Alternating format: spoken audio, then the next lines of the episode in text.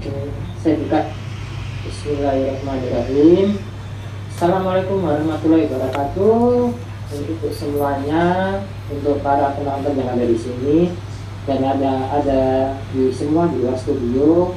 Jadi nah pada acara ini podcast Eskul podcastnya milenial di sini uh, adalah programnya Eskul SMP Muhammadiyah 18 Surabaya yang akan menyajikan dari berbagai hal-hal tentang menarik pastinya dari yang sekolah, permainan, edukasi hingga sampai ke hal yang sifatnya topik. Ya, jadi podcast yang milenial ini perdana untuk semester ini yang dimulai dari wali murid. Nah, jadi wali murid yang pertama di sini adalah ayah anda Rio, ayahnya Dita. Ini Assalamualaikum. Salam. Iya. Oke. Saya panggil apa ini enaknya ayah dari? Panggil monggo, mau manggil Mas boleh, Pak boleh, Dik boleh. Senyamannya Ustadz aja. Ah, Oke, saya panggil Bang Rio gitu ya Pak? Boleh, boleh Ustadz, boleh Ustadz. Oh Monggo. iya. Jadi Bang Rio ini adalah profesional trainer yang sudah bergelut sejak sejak kapan ya? Sudah lama ya? Trainer outbound ya. Kalau outbound itu mulai tahun 2001 saya udah outbound. Sudah mulai kegiatan. 2001. Jadi Iya. sejak bintang lahir itu ya? Bintang Belum lahir berarti? belum belum nikah masih masih bujangan sudah outbound ke Oh. iya. miliknya Iya. Berarti seorang profesional trainer yang eh, sudah eh, 20 tahun ya berarti ya? Sudah ya sudah kurang lebih segitu kurang lebih segitu Ustaz ini mulai dari masih Iya. apa namanya masih bujangan sampai sekarang udah punya anak SMP ya sekarang udah SMP ternyata Iya, iya, iya. Oh, Iya. amazing sekali ya. Jadi Ya. Rio ini profesional trainer yang eh, di Malang ya fokusnya ya. kebetulan saya sekarang di ya di Kaliwatu Ustaz Kaliwatu ada di Kota Batu Kaliwatu rafting ya Hmm, berarti yang di trainer itu lebih banyak di eh, para personal yang sudah ada di perusahaan-perusahaan.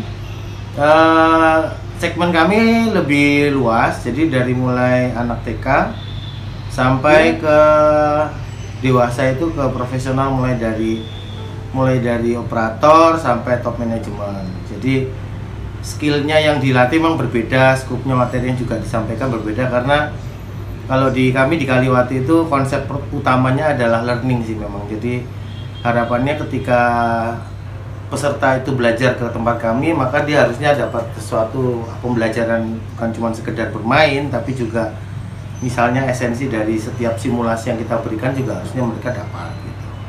Jadi Hmm, tujuannya nggak cuma oke. sekedar refreshing saja gitu Ustaz. Ada. Iya, iya, iya. iya. Dan memang iya menggelutinya udah lama. Anak, anak dini sampai ke orang dewasa berarti ya. Ya, mulai dari TK, PAUD sih lebih tepatnya mulai dari PAUD. Kalau yang di PAUD memang biasanya lebih ke kegiatan yang sifatnya memberi pengalaman berkesan aja sih ketika bersinggungan dengan alam itu sampai SD.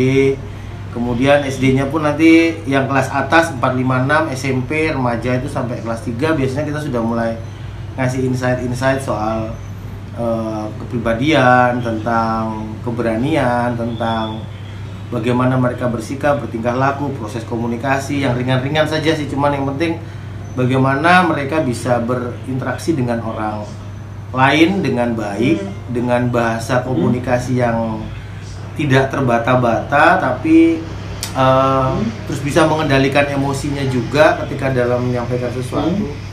Itu sih kalau yang Oh. untuk SD atas SMP, nah SMA biasanya udah mulai ada knowledge, sudah mulai ada Hmm. tips-tips, trik-trik dan sebagainya sampai dengan perusahaan sudah langsung bicara aspek manajerial sih lebih ke sana. Kalau di Kaliwatu sih seperti itu. Seperti itu yang kita ajarin. Gitu. Oke, berarti berarti Pak Rio ini juga sudah hafal tentang banyak personal ya untuk meningkatkan stimulus memotivasi supaya lebih eh, apa lebih semangat lebih unggul gitu Rio. ya kalau kalau kalau hafal sih atau tahu semua juga belum karena memang bagi saya, bagi kami eh, kawan-kawan yang ada di dunia outbound ini eh, never stop learning lah. Jadi kita tetap harus selalu belajar, harus selalu up to date dengan apa yang sekarang terjadi. Jadi nggak terlalu harus selalu karena kita ngajarin orang untuk tidak tidak puas atau tidak merasa lu sudah pintar, sudah merasa hebat. Karena biasanya itu nanti akan berdampak ke apa ya emosional kejiwaan itu jadi sombong ria dan sebagainya. Jadi kalau dibilang sudah hafal masih harus belajar terus sih. So, tapi ada beberapa hal kecil lah yang bisa kita share ya nantinya kalau mau ngobrolin soal apa nih remaja kali ya kalau di SMP ini saya yeah. pikir lebih ke arah yeah. remaja iya nah bicara tentang remaja ini jadi tema kita kali ini adalah tentang hmm. uh, teaternya remaja. Oke, okay, teater remaja hmm. remaja awal yang seperti anak SMP ini. Ya. Jadi uh, kira-kira uh, sebelum kita berjalan jauh lagi, ya. kita kenal dulu sama yang namanya teater secara umumnya dulu. Nah, oh ya, teater. Jadi uh-huh. teater itu secara umumnya uh, bisa digambarkan, deskripsikan seperti apa ya? yang mudah dipahami untuk anak remaja. Untuk remaja ya, jadi Uh, mungkin saya akan menyebutkan beberapa contoh uh, perkumpulan. Jadi teater kayak teater gandrik, teater koma itu kemudian kalau saya dulu di SMA ikut teater Barabima namanya kalau di SMP ini namanya apa Ustaz? Teaternya apa namanya? Teater teater ekskul. Eh teaternya ekskul ya belum ada namanya biasanya iya, nanti cari ya. harus harus mencari nama kali ya jadi biar biar lebih mudah dikenal gitu nah kalau di SMP bila bicara konteks teater uh, sebenarnya ngajari tentang gimana kita untuk pertama berkomunikasi dengan baik artinya berkomunikasi dengan baik ini artikulasinya harus jelas bahasa ayu nya harus benar terus runtut, ada penekanan, itu itu juga harus itu benar-benar harus coba kita berikan ke teman-teman yang SMP ini. Kemudian bisa bicara tentang gestur, mimik muka ketika menyampaikan sesuatu. Tujuannya adalah supaya ketika berkomunikasi dengan orang lain tidak hanya pada saat dia berteater, tapi pada saat dia nanti di rumah, dia di sekolah, di masyarakat itu orang lebih cepat dan lebih mudah memahami apa sebenarnya maksud dari yang disampaikan oleh kita sebagai orang ya ah, ketika kita berbicara. Karena kadang sekarang ini kan kita ngelihat anak-anak sekarang rata-rata itu punya wajah yang flat dia nggak nggak kelihatan uh, ekspresif kadang-kadang kalau kita ngelihat kalau ngomong ya, hmm, ya gitu aja gitu tidak ada kita nggak bisa bedakan dia lagi marah lagi lagi sedih lagi lagi senang atau apa nggak begitu kelihatan gitu Nah, emosinya kalau kurang terlihat gitu ya. Emosinya kurang terlihat lewat uh, mimik muka, lewat gestur mimik badan, wajahnya. lewat ya. bat, betul. Kelihatan datar gitu ya. Kelihatan datar, Ustadz dan justru kalau menurut saya itu nantinya akan kurang baik ketika sudah dewasa. Ketika dia sudah hmm. kawan-kawan hmm. ini anak-anak ini sudah bersinggungan dengan yang namanya uh, bisnis, dunia kerja hmm. itu itu pasti akan berdampak menurut saya itu dampaknya besar karena ketika kita sedang mem, dalam sebuah tim ya misalkan tim kerja di satu tempat satu pekerjaan satu project kemudian kita tidak bisa mengutarakan ide kita dengan baik misalnya. Kita tidak bisa mengutarakan maksud keberatan kita dengan sempurna. Maka orang akan menyalahartikan. Makanya sering terjadi salah pendapat kemudian apalagi ya salah paham, salah paham. gitu. nah itu.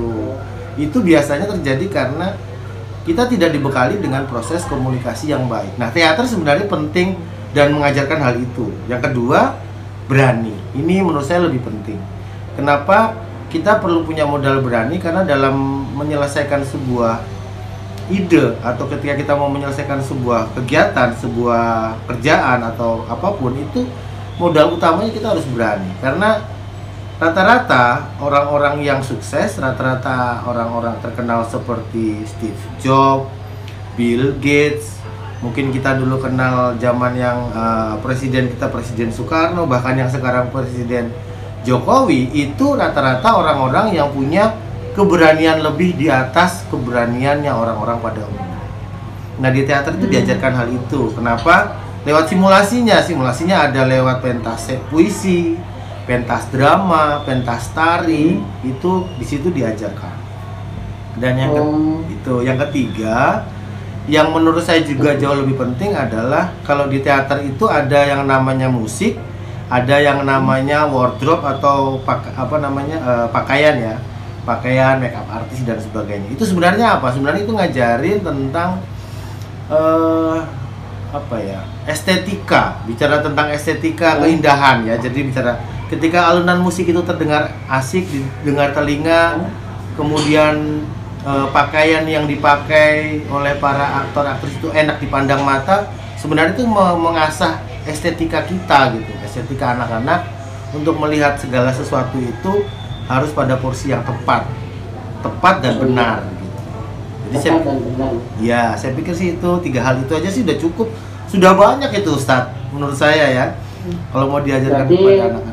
Kalau misalnya untuk remaja yang bisa itu teater, Mhm. sisi positifnya adalah mendapatkan sisi komunikasi yang baik, Aha, mendapatkan beranian, aha. mendapatkan estetika yang tepat dan benar. Iya. Nah, berarti emang uh, dampak positif yang didapat untuk anak remaja yang mengikuti teater itu sebenarnya juga luar biasa ya. Banyak dan saya rasakan sendiri ini kalau bisa dibilang testimoni. Profesi saya ini kan menuntut untuk bisa berkomunikasi dengan baik, dengan kosakata yang banyak, dengan gestur badan yang tepat, dengan mimik muka yang tidak boleh keliru begitu untuk menggambarkan sebuah maksud kepada orang-orang lain atau audiens. Nah, profesi seperti saya, trainer, guru, dosen, apalagi ya, tenaga pengajar, interpreter, MC, dan banyak profesi-profesi di mana termasuk radio, orang yang sekarang lagi podcaster gitu, itu juga itu membutuhkan bahasa komunikasi yang baik, bahasa komunikasi yang tepat. Nah, itu Iya. sebenarnya profesi jangka panjang yang bisa diraih oleh adik-adik ini kalau punya cita-cita seperti itu. Lalu di teater itu juga tadi saya sampaikan keberanian. Sekarang orang mau kerja, mau bisnis atau apa pun lah di dunia ini kalau nggak berani nggak bisa. Orang harus punya keberanian lebih, betul kan, untuk mengambil sebuah kesempatan gitu. Misalnya di depan ini ada beasiswa nih, berani nggak kita ngambil beasiswa itu? Nah di depan ini ada peluang untuk menjadi siswa teladan, menjadi ketua osis, menjadi apalagi eh, pertukaran pelajar dengan negara lain. Berani nggak kita ngambil itu?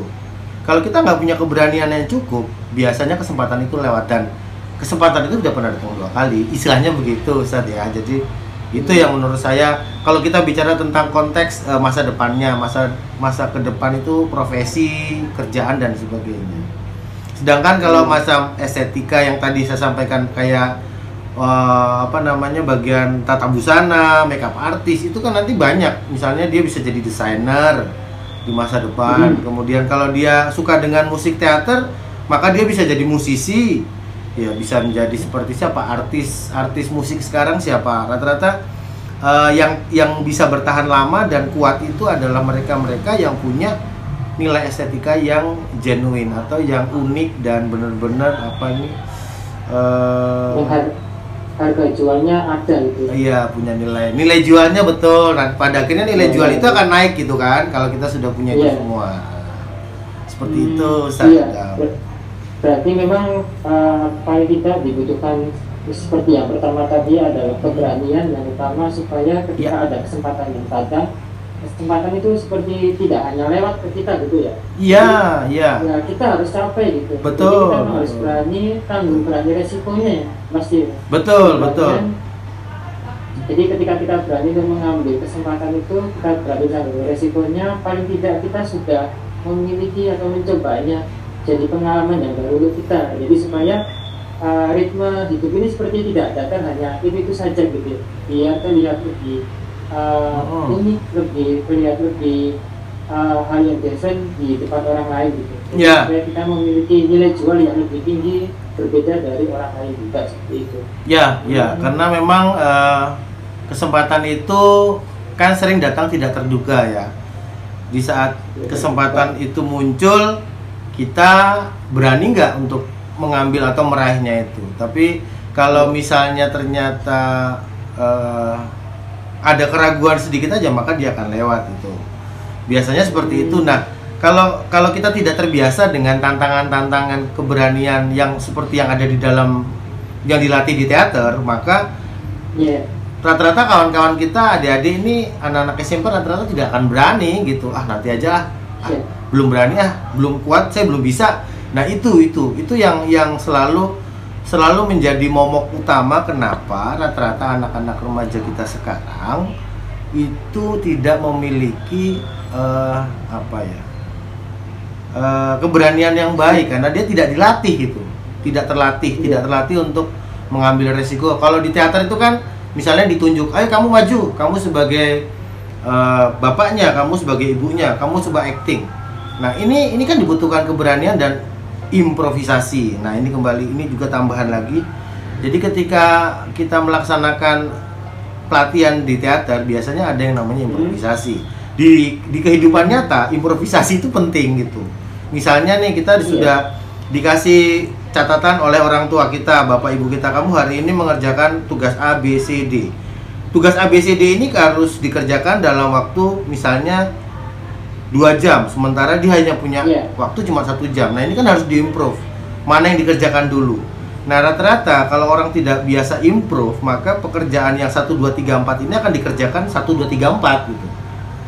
Tapi kalau dia bisa improvisasi atau dia bisa melakukan tindakan kreatif sedikit mungkin dia bisa lompat dulu dari yang nomor 4 kemudian ke nomor 2, nomor 3 dan nomor 1 dicari mana yang paling sulit begitu skala prioritas ada nah ini yang menurut saya hanya bisa kita latih ketika kita belajar teater dan itu terasa banget buat saya saya tiga tahun Ustaz ada teater ikut teater jadi mulai oh. dari di SMA sih SMA jadi yeah. waktu SMA itu saya kelas 3 baru sadar kalau ternyata harusnya teater ini diajarkan di SMP gitu saya sempat jadi ketua sejak dasar ya? iya sejak dasar karena SMP ini kan masa peralihan dari anak-anak ya.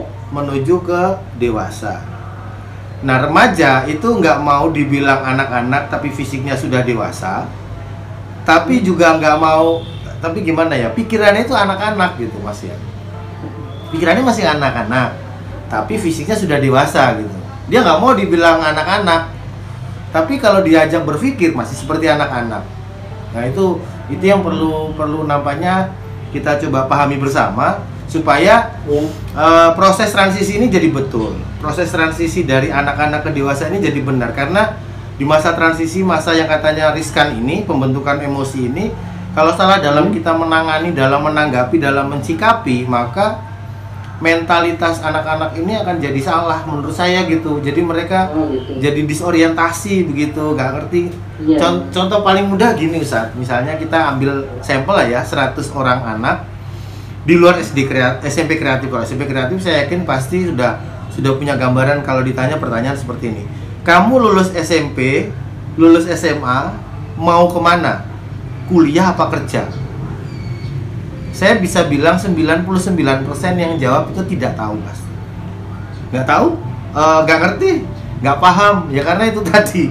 Dia nggak bisa membuat skala prioritas tidak berani mengambil sikap tidak bisa menentukan tujuan ya bikin goal setting atau bikin bikin apa ya hmm, tujuan itu kan atau bikin cita-cita itu kan butuh sebuah keberanian kan Ustaz betul nggak sih? Iya. Ya kalau kita nggak berani bermimpi maka kita tidak akan bisa men, tidak bisa mencapai apa yang menjadi kita harapan kita gitu. Loh berani bermimpi aja nggak ada kok gimana mau dapat cita-cita kan? Nah itu loh. Iya. Maksud, nah itu yang kenapa saya bilang harusnya teater ini diberikan pada saat SMP supaya adik-adik ini tahu kalau nanti lulus SMP saya mau SMK atau SMA minimal itulah. Daripada uang saya orang tua saya habis-habisin untuk saya kuliah saya nggak mungkin mendingan saya SMK hmm. kan bisa seperti itu. SMK berarti ya, mau ngambil iya pilihan. Ya bicara pilihan kan artinya uh, kita harus bisa anak-anak adik-adik ini harus bisa menentukan pilihannya mau apa nih? Mau SMA atau SMK gitu itu sih kan iya nah bicara tadi tentang sisi positifnya juga bisa membuat uh, banyak hal yang diambil uh, teater nah bicara seperti ini memang kita tidak terlepas dari perkembangan remaja itu sendiri. Gitu. Betul. Nah, untuk perkembangan remaja saat ini kan pasti berbeda jauh sekali dengan perkembangan remaja di zaman dulu ya.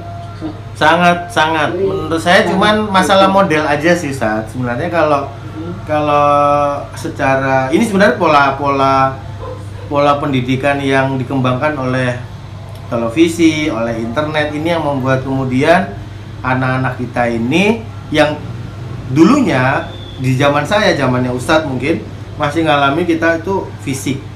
Jadi kita banyak bersinggungan dengan hal-hal yang berbau fisik. Kita lari, kita teriak-teriak bersama teman-teman main sepak bola, berenang dan sebagainya. Sekarang berenangnya dipindahin ke gadget. Main bolanya ke gadget. Ya, itulah itu Iya. yang kemudian mematikan menurut saya ya. Memang ada sisi positifnya. Kalau bicara tentang perkembangan sebenarnya ini perkembangan tergantung kepada masing-masing orang tua sih ya.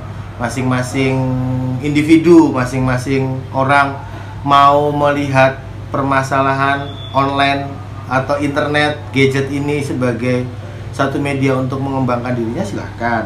Atau dia merasa bahwa ada perlu kontak fisik di mana interaksi dengan orang lain itu penting itu juga silahkan. Tapi kalau menurut saya sekarang ini cenderung lebih heterogen kali ya Ustadz. Kalau dulu saya nggak kenal namanya iya nggak kenal namanya handphone game lewat ini apa eh, lewat handphone nggak ada. Taunya dulu ya gamebot Atari Nintendo gitu hmm, taunya cuma itu nah Iya. kalau kita mau main dengan temen yang lebih banyak eh, kita nggak bisa main Mobile Legend gitu zaman dulu mah harus keluar main kopak sodor sepak bola ya? iya harus Iya. keluar rumah nah untungnya ada beberapa eh, keluarga menurut saya yang tetap mempertahankan itu gitu.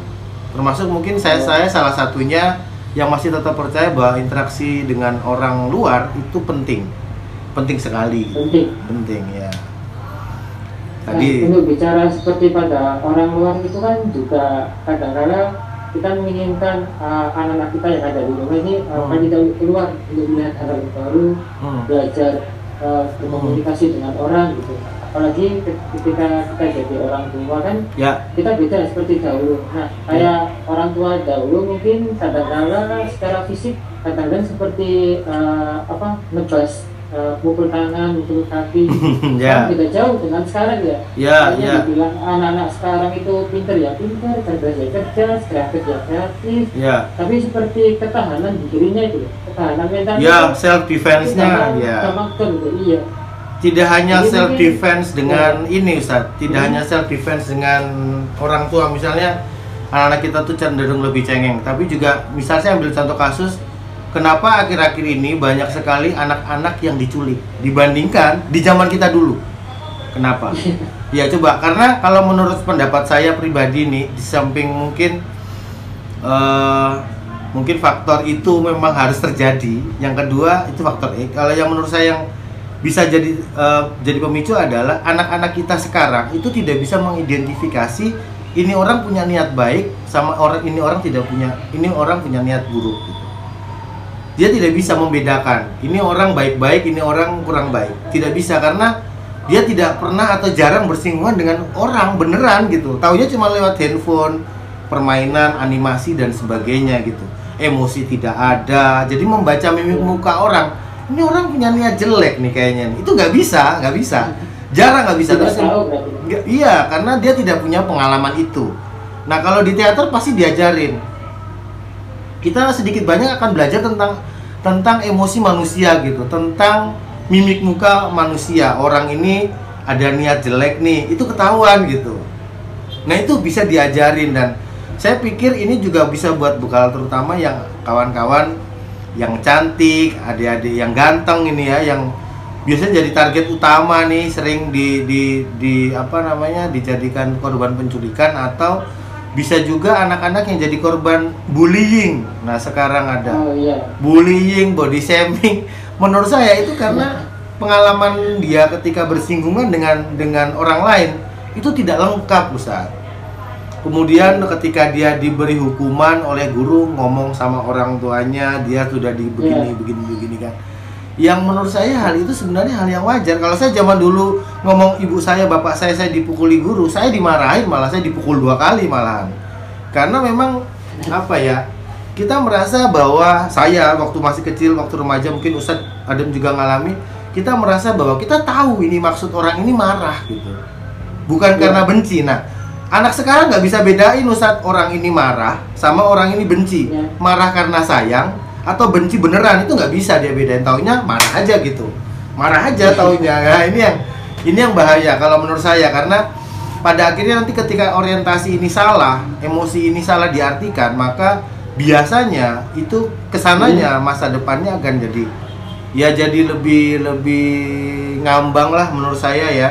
Jadi cuman terkesan ikut-ikutan gitu. Oh, katanya itu begini. Gitu. ya dia nggak punya pendirian atau tadi Ustadz bilang juga menurut saya menarik self defense-nya ya.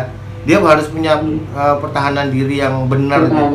Ya uh, mekanisme pertahanan diri ini ini mengancam jiwa enggak? Ini ini sekedar sekedar untuk menga, apa namanya hanya untuk menggertak saja kah? Atau ini sebenarnya marah yang sayang begitu maksudnya? Kan ada. Mm. ada kan Jadi memang seperti, eh, untuk anak-anak remaja seperti saat ini memang kadang-kadang memang sulit membedakan ya mengidentifikasi Iya. mana orang tujuan orang-orang yang ada di depan seperti itu. Iya, akhirnya muncul istilah GR. Tahu nggak Ustaz? GR. Ya PR. Gede rosok. Padahal zaman kita dulu kan nggak ada. Nggak ada zaman kita dulu. Gede. Oh, saya diperhatiin sama cewek ini GR. Sebenarnya kan itu zaman dulu kita nggak ada. Kita tahu benar-benar kalau saya benar-benar yakin tahu bahwa oh orang ini seneng sama saya. Oh orang Iya. ini benci sama saya. Oh orang ini marah sama saya. Itu. Itu sih. gitu. PR kalau baper. Ya, GR, gelo, galau baper, aduh, halu, aduh, halusinasi dan sebagainya. Ya itulah, makanya saya menurut, monggo Ustadz ya, itu hal yang biasa gitu ya. Jadi memang Iya. eh, mengikuti teater ini banyak sekali manfaatnya. Hmm. Nah, ini sebenarnya juga saya ingin ngobrolnya lebih lebih lama lebih juga namun karena dibatasi waktu. siap, siap. semoga kita bisa Ya. ternyata dua kalinya kita bisa zoom. Hmm, hmm, hmm. Nah, ke- eh, sebelum menutup eh, podcast ini, Iya. eh, ini kan sekarang eh, pada nasionalisme 17 Agustusan. 17-an. Ya, ya sekarang bahkan nasionalismenya eh, sangat berbeda dari tahun yang kemarin. Oh. Kalau dari tahun kemarin kita ngadain lomba, kita wajib upacara. Nah, sekarang karena adanya pandemi seperti ini, eh, untuk keluar rumah saja mungkin tidak disarankan. Ya. Ikut lomba saja pemerintah juga eh, jangan, tasakuran juga kalau bisa jangan. Nah, mungkin dalam Ya. eh, perseptif teater untuk nasionalismenya ini seperti apa? Mungkin bisa di- eh, kita gambarkan perilaku Hmm. nasionalismenya dalam dorongan teater ini khususnya untuk anak remaja ini seperti apa? Apalagi berbeda dari tahun kemarin. Maksudnya ini bentuk kegiatannya begitu Ustadz? Apa yang harus mereka Untuk buat? Kegiatannya Oh, harus yang diperbuat yang bisa yang pernah diajarkan dalam dunia teater seperti itu. bahkan sebenarnya pun untuk nasionalisme kan kita Hmm. juga nggak hanya ikut lomba nggak hanya ikut upacara Iya. saja gitu tapi ada sangat luas sekali gitu Nah, mungkin dalam dunia teater itu uh, banyak sekali hal-hal yang diajarkan yang bisa bersangkutan dengan sifat nasionalismenya seperti itu Eh, sederhananya seperti ini Ustadz kalau kita bicara teater teater dalam konteks kemerdekaan ya sebenarnya teater itu kan adalah potret kehidupan yang kita Iya. sempit dalam kita persempit dalam konteks drama eh, puisi musik dan sebagainya jadi kalau Iya. Kalau bicara tentang kemerdekaan sebenarnya ketika kita belajar tentang teater itu kita belajar tentang bagaimana kita memerdekakan diri kita gitu.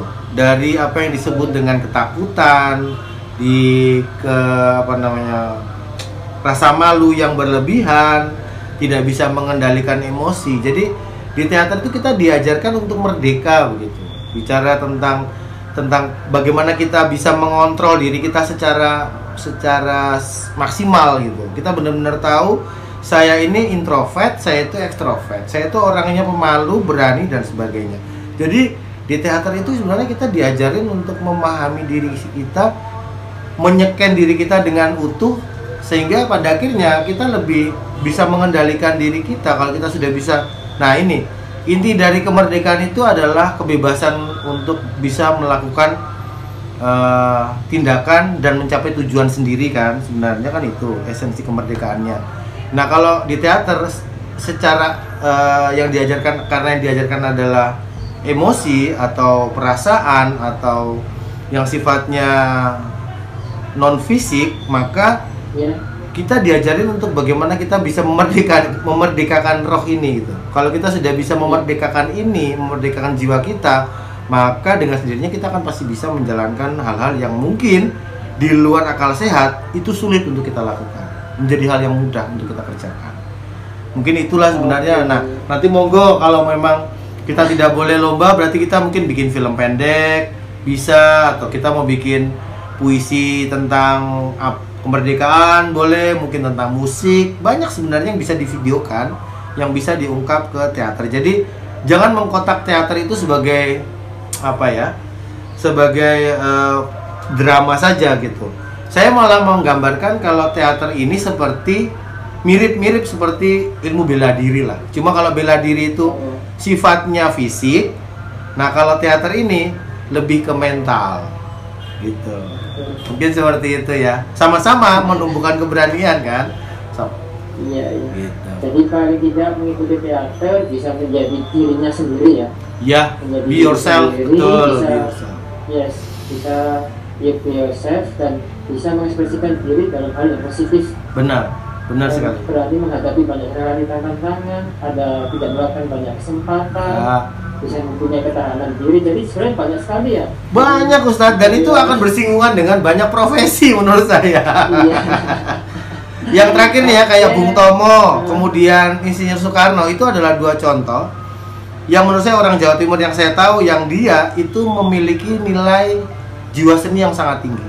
Dan mereka pintar bikin puisi pintar hmm. pintar apa namanya menulis syair. Soekarno kalau bikin surat cinta bagus sekali gitu. Dan nanti kalau orang kalau nggak punya jiwa jiwa seni yang bagus nggak bisa hmm. SBY itu bikin bisa bikin lagu kan pinter sekali dia bikin lagu yes. itu kalau nggak punya jiwa estetika yang tinggi seninya tinggi dia nggak mungkin nggak mungkin bisa buat seperti itu dan teater adalah salah satu solusi untuk menumbuhkan jiwa tersebut iya Oke, sangat bermanfaat sekali. Mudah-mudahan insya Allah Ustaz, Nggih. Pasti insya Allah di ada kesempatan kita lanjutkan pembicaraan ini, pembicaraan yang sangat luar biasa ini. Amin, amin. Bisa bermanfaat untuk banyak orang, terutama untuk anak amin. kita yang remaja ini. Insya Allah, Nggih. Terima kasih banyak Baik. sudah iya. berbicara panjang lebar, diberi kesempatan ya Ustaz ada yeah, untuk kegiatan. Terima kasih Bang Rio. Ya, sama-sama. Terima kasih. Yes. Bang Rio. Ya. Terima kasih. Kita bisa melakukan berteman lagi. Terima kasih. Insya Allah. Amin. Assalamualaikum warahmatullahi wabarakatuh. Waalaikumsalam warahmatullahi wabarakatuh. Oke, terima kasih. Sama-sama Ustaz.